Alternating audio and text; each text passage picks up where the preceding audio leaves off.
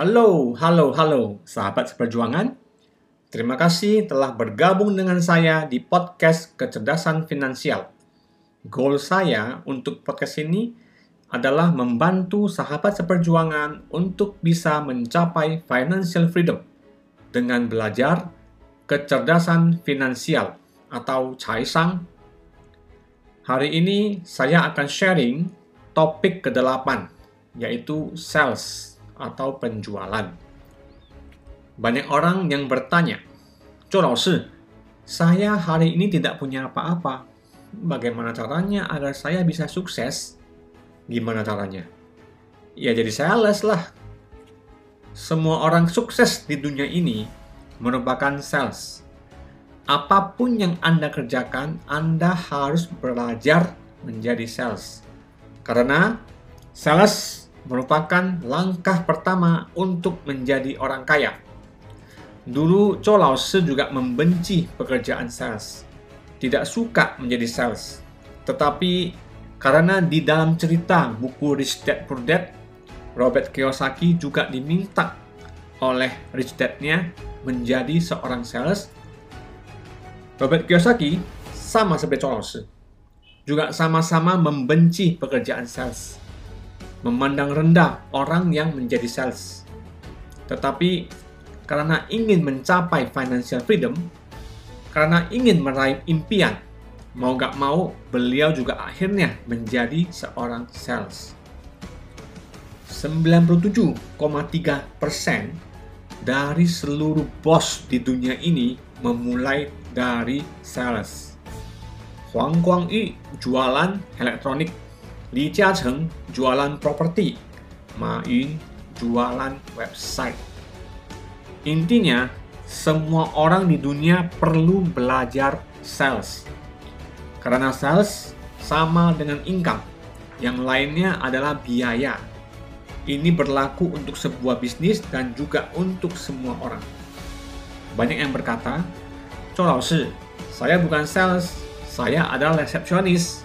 No, seorang resepsionis juga jualan, yaitu jualan masa mudanya. Hari ini Anda berusia 20 tahun cocok untuk menjadi seorang resepsionis. Coba kalau sudah 45 tahun, apa ada yang mau menggaji Anda jadi resepsionis? Ada lagi yang mengatakan, saya ini tukang sapu saja, bukan sales. No, sama saja anda tetap jualan tenaga. Dan jualan tenaga fisik merupakan pekerjaan yang paling tidak berharga. Oleh karena itu, di dunia ini ada dua macam orang. Yang pertama adalah penjual, yang kedua adalah pembeli. Jika Anda ingin bisa membeli, maka harus belajar dulu cara menjual. Jika Anda tidak bisa menjual, selamanya akan tidak punya uang untuk membeli. Maka dari itu, wajib belajar menjadi penjual.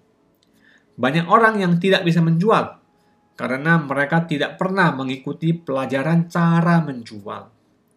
Zhou Laoshi pernah tidak punya apa-apa, tapi lewat pekerjaan sales lah beliau berhasil memperoleh uang gede pertamanya beliau berhasil menjadi top sales di beberapa bidang pekerjaan. Lalu mengapa Zhou Laoshi pintar menjual? Masih saja kalimat yang sama, yaitu untuk bisa segala hal harus belajar dulu. Jika tidak belajar, Laoshi juga tidak bisa menjual. Zhou Laoshi teringat 14 tahun yang lalu, beliau pernah mengikuti kelas dari Roger Dawson penulis buku Secrets of Power Negotiating for Salespeople. Jika Anda adalah seorang calon sales, ataupun sudah menjadi sales, Anda harus membaca buku itu. Namun, hari ini Chow akan sharing 10 langkah menuju kesepakatan mutlak. Jika Anda bisa mengikuti 10 langkah ini, Anda pasti bisa menjadi seorang master sales. Sudah siap? Ayo kita mulai. Langkah pertama, persiapan yang memadai. Sebelum Anda menemui prospek, Anda harus sudah ada persiapan, yakni pengetahuan produk yang mau dijual, image seseorang profesional, profil pelanggan, semuanya mesti sudah dipersiapkan. Langkah kedua, kondisikan suasana hati Anda pada level yang tertinggi. Sebelum pergi menemui prospek, Anda harus banyak mendengar musik-musik yang berenergi positif. Lalu menghadap cermin dan berafirmasi, I am the best I am the best. Akulah yang terbaik. Dengan cara-cara demikianlah menyemangati diri sendiri sampai suasana hati mencapai level tertinggi dan berkata pada diri sendiri, begitu saya bertemu dengan prospek ini, pasti akan tercapai kesepakatan. Pasti 100% bisa closing. Memang harus ada perasaan demikian. Harus ada pengkondisian seperti itu. Langkah ketiga, membangun trust, kepercayaan. 80% dari semua sales di dunia ini menggunakan 90% waktu dan usahanya untuk melakukan kegiatan sales dan sisanya 10% untuk membangun trust. Sebaliknya, 20% orang sales yang merupakan top sales menggunakan 90% waktunya untuk membangun trust, sisa waktu 10% untuk menjual. Itulah mengapa ada yang namanya prinsip Pareto 80-20 di mana 80% revenue dari sebuah bisnis itu dihasilkan oleh 20% orang salesnya. Kalau sewaktu ketemu dengan prospek, beliau tidak pernah berbicara mengenai produk. Beliau akan mengobrol mengenai kehidupan sehari-hari, mengobrol tentang hobi dan impian sang prospek, mengobrol mengenai topik yang prospek minati. Pokoknya membangun trust dulu deh intinya. Begitu sudah terbangun trust dengan prospek, maka kesepakatan akan tercapai dengan sendirinya. Maka dari itu, kita harus menggunakan 90% waktu kita untuk membangun trust. Lalu, gimana caranya membangun trust? Harus mengobrol dengan prospek mengenai topik yang dia minati. Harus berada di frekuensi yang sama. Harus membuat prospek percaya sama kita. Ingat, dalam sales, yang terpenting adalah trust atau yakin. Dia tidak membeli produk Anda, artinya dia tidak yakin atau tidak percaya dengan Anda. Makanya, harus memanfaatkan waktu yang ada untuk membangun trust, termasuk model diri Anda, kata-kata Anda, cara berpakaian Anda, semuanya harus bisa membantu untuk membangun trust. Lalu langkah keempat, temukan kebutuhan pelanggan. Ingat, jikalau belum menemukan kebutuhan pelanggan, maka selamanya tidak akan bisa closing. Dengan menemukan kebutuhan pelanggan, bagaikan menemukan tombol kesepakatan. Begitu Anda tekan tombolnya, langsung closing. Ingat, pelanggan membeli produk Anda karena ada kebutuhan. Jadi harus menemukan kebutuhan pelanggan. Next, langkah kelima. Pembentukan nilai produk. Ketika Anda berhasil menemukan kebutuhan pelanggan, lalu fokuskan nilai jual produk Anda ke titik kebutuhan tersebut dan perbesar nilainya tanpa batas. Jika Anda tahu cara membentuk nilai produk, lalu jelaskan tentang produk itu sebagai sesuatu yang tak ternilai harganya, langka, dan harus dibeli, berikan alasan mengapa harus membeli produk ini sekarang juga. Maka semua pelanggan Anda akan membeli dengan otomatis. Mereka yang meyakinkan diri mereka sendiri untuk membeli. Ingat, level tertinggi dari sales adalah bukan Anda yang membujuk atau meyakinkan pelanggan, namun sebaliknya, mereka sendiri yang meyakinkan diri sendiri untuk membeli. Langkah keenam, lakukan analisis pesaing.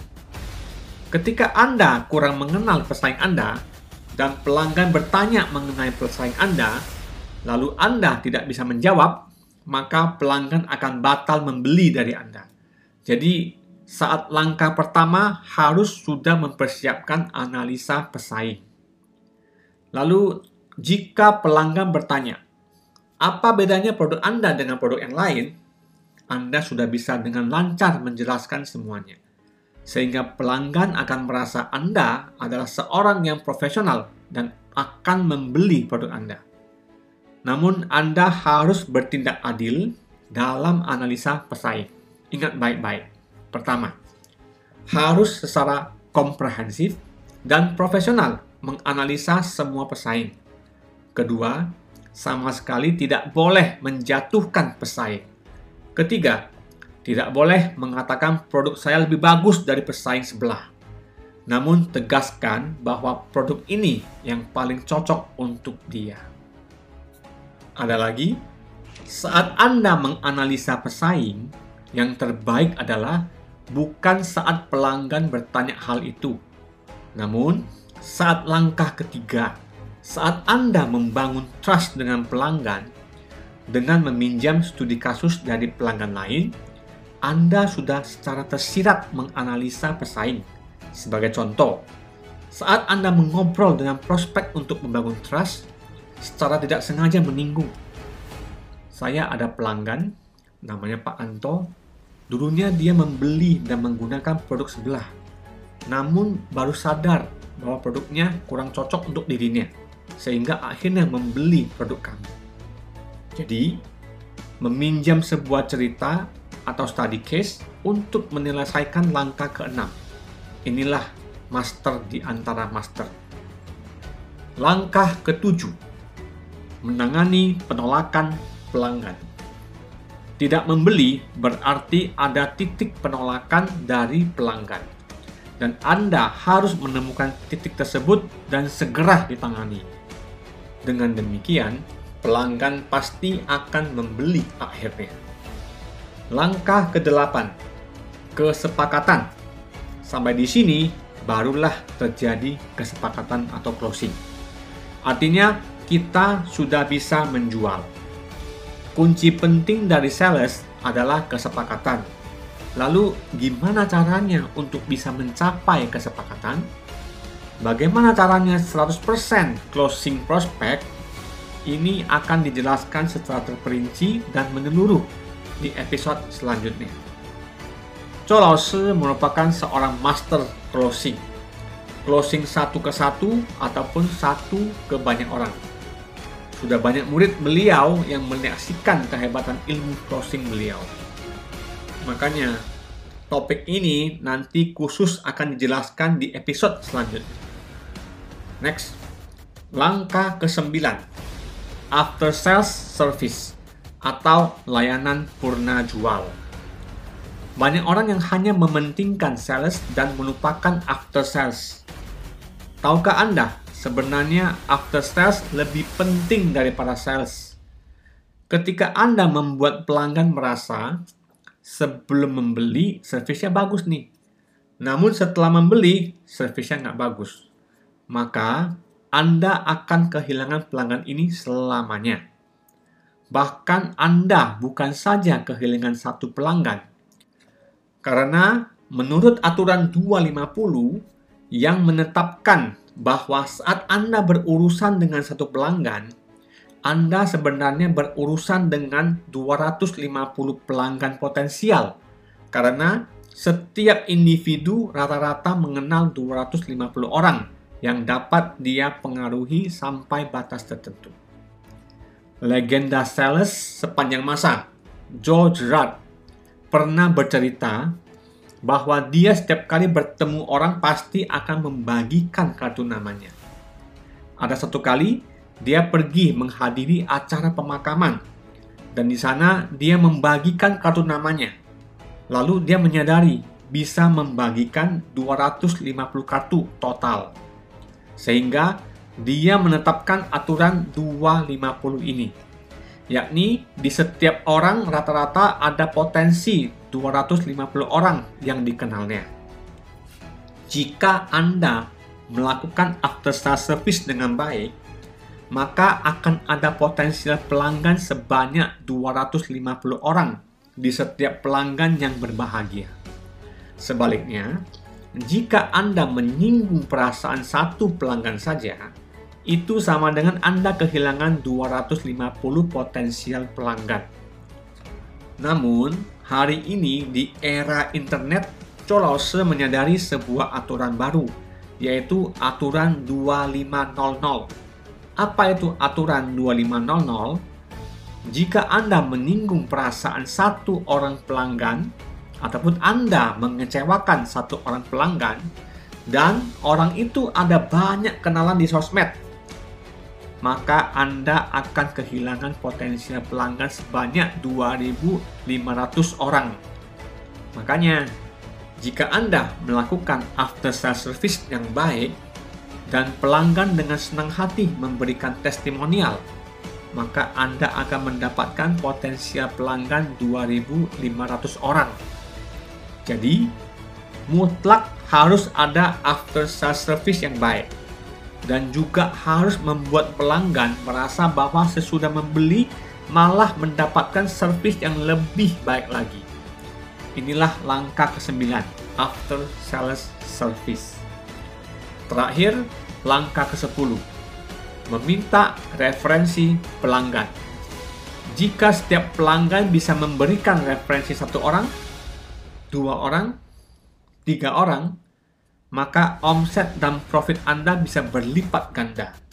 Makanya, harus bisa meminta referensi pelanggan. Lalu, mengapa pelanggan mau memberikan referensi? Itu pasti karena after sales service Anda memuaskan. Tingkat tertinggi dari referensi pelanggan adalah bukan kita yang meminta, namun, karena servis kita yang luar biasa membuat pelanggan menjadi sangat senang. Dan di saat yang sama juga merasa tidak enak hati untuk tidak memberikan referensi. Buatlah pelanggan merasa bahwa produk Anda amat bagus dan Anda amat baik, sehingga dia pasti akan memberikan referensi. Itulah 10 langkah menuju kesepakatan mutlak jika bisa mengikuti 10 langkah ini, maka setiap orang pasti menjadi top sales. Tetapi jangan membatasi diri dengan harus mengikuti langkah demi langkah. Artinya, saat baru mulai belajar memang harus mengikuti langkah demi langkah. Namun, pada akhirnya harus bisa fleksibel. Dan di saat itulah 10 langkah ini akan menjadi senjata utama bagi Anda untuk mencapai closing atau kesepakatan. Bagaikan sebuah pedang langit, bagaikan sebuah golok pembunuh naga. Pelajaran cara menjual di seluruh dunia tidak ada lagi yang melebihi 10 langkah ini. Anda harus mendengarkan episode ini berulang-ulang kali Ditambah lagi dengan video-video YouTube dan artikel mengenai Roger Dawson, juga bukunya boleh dibeli untuk dibaca. Karena Anda harus belajar sales, Anda harus belajar closing. Jika Anda tidak bisa sales, selamanya akan menjadi orang miskin. Walaupun Anda seorang artis atau aktor, Anda juga harus tahu caranya menjual diri Anda ke sutradara. Barulah bisa mendapatkan peran yang bagus. Tak peduli apa profesi Anda, tetap harus bisa sales. Van Gogh dan Picasso. Dua-duanya adalah pelukis ternama. Tetapi Van Gogh hanya bisa melukis, tidak bisa menjual. Sehingga sampai akhir hayatnya tetap miskin, bahkan meninggalkan hutang. Sebaliknya, Picasso sudah menjadi orang kaya semasa hidupnya. Karena selain bisa melukis, dia juga pintar menjual. Setiap kali lukisannya terjual dan dia ditanya orang, lukisan mana yang merupakan karya terbaiknya? Jawabannya selalu adalah lukisan yang akan datang. Maka dari itu, harus belajar sales. Harus belajar menjual. Harus berlatih diri mengikuti 10 langkah di atas untuk menjadi master sales. Harus mulai dari penjualan satu ke satu menjadi penjualan satu ke banyak Nantinya Shi akan menjelaskan perbedaan keduanya di episode yang akan datang. Semoga sahabat seperjuangan bisa menjadi seorang master penjualan seperti Shi Mampu closing di mana saja dan kapan saja. Sehingga banyak orang yang membeli produk Anda dan produk Anda laris manis. Sampai jumpa di episode ke-9. Saya Arsitan, 我们后会有期。Thank you.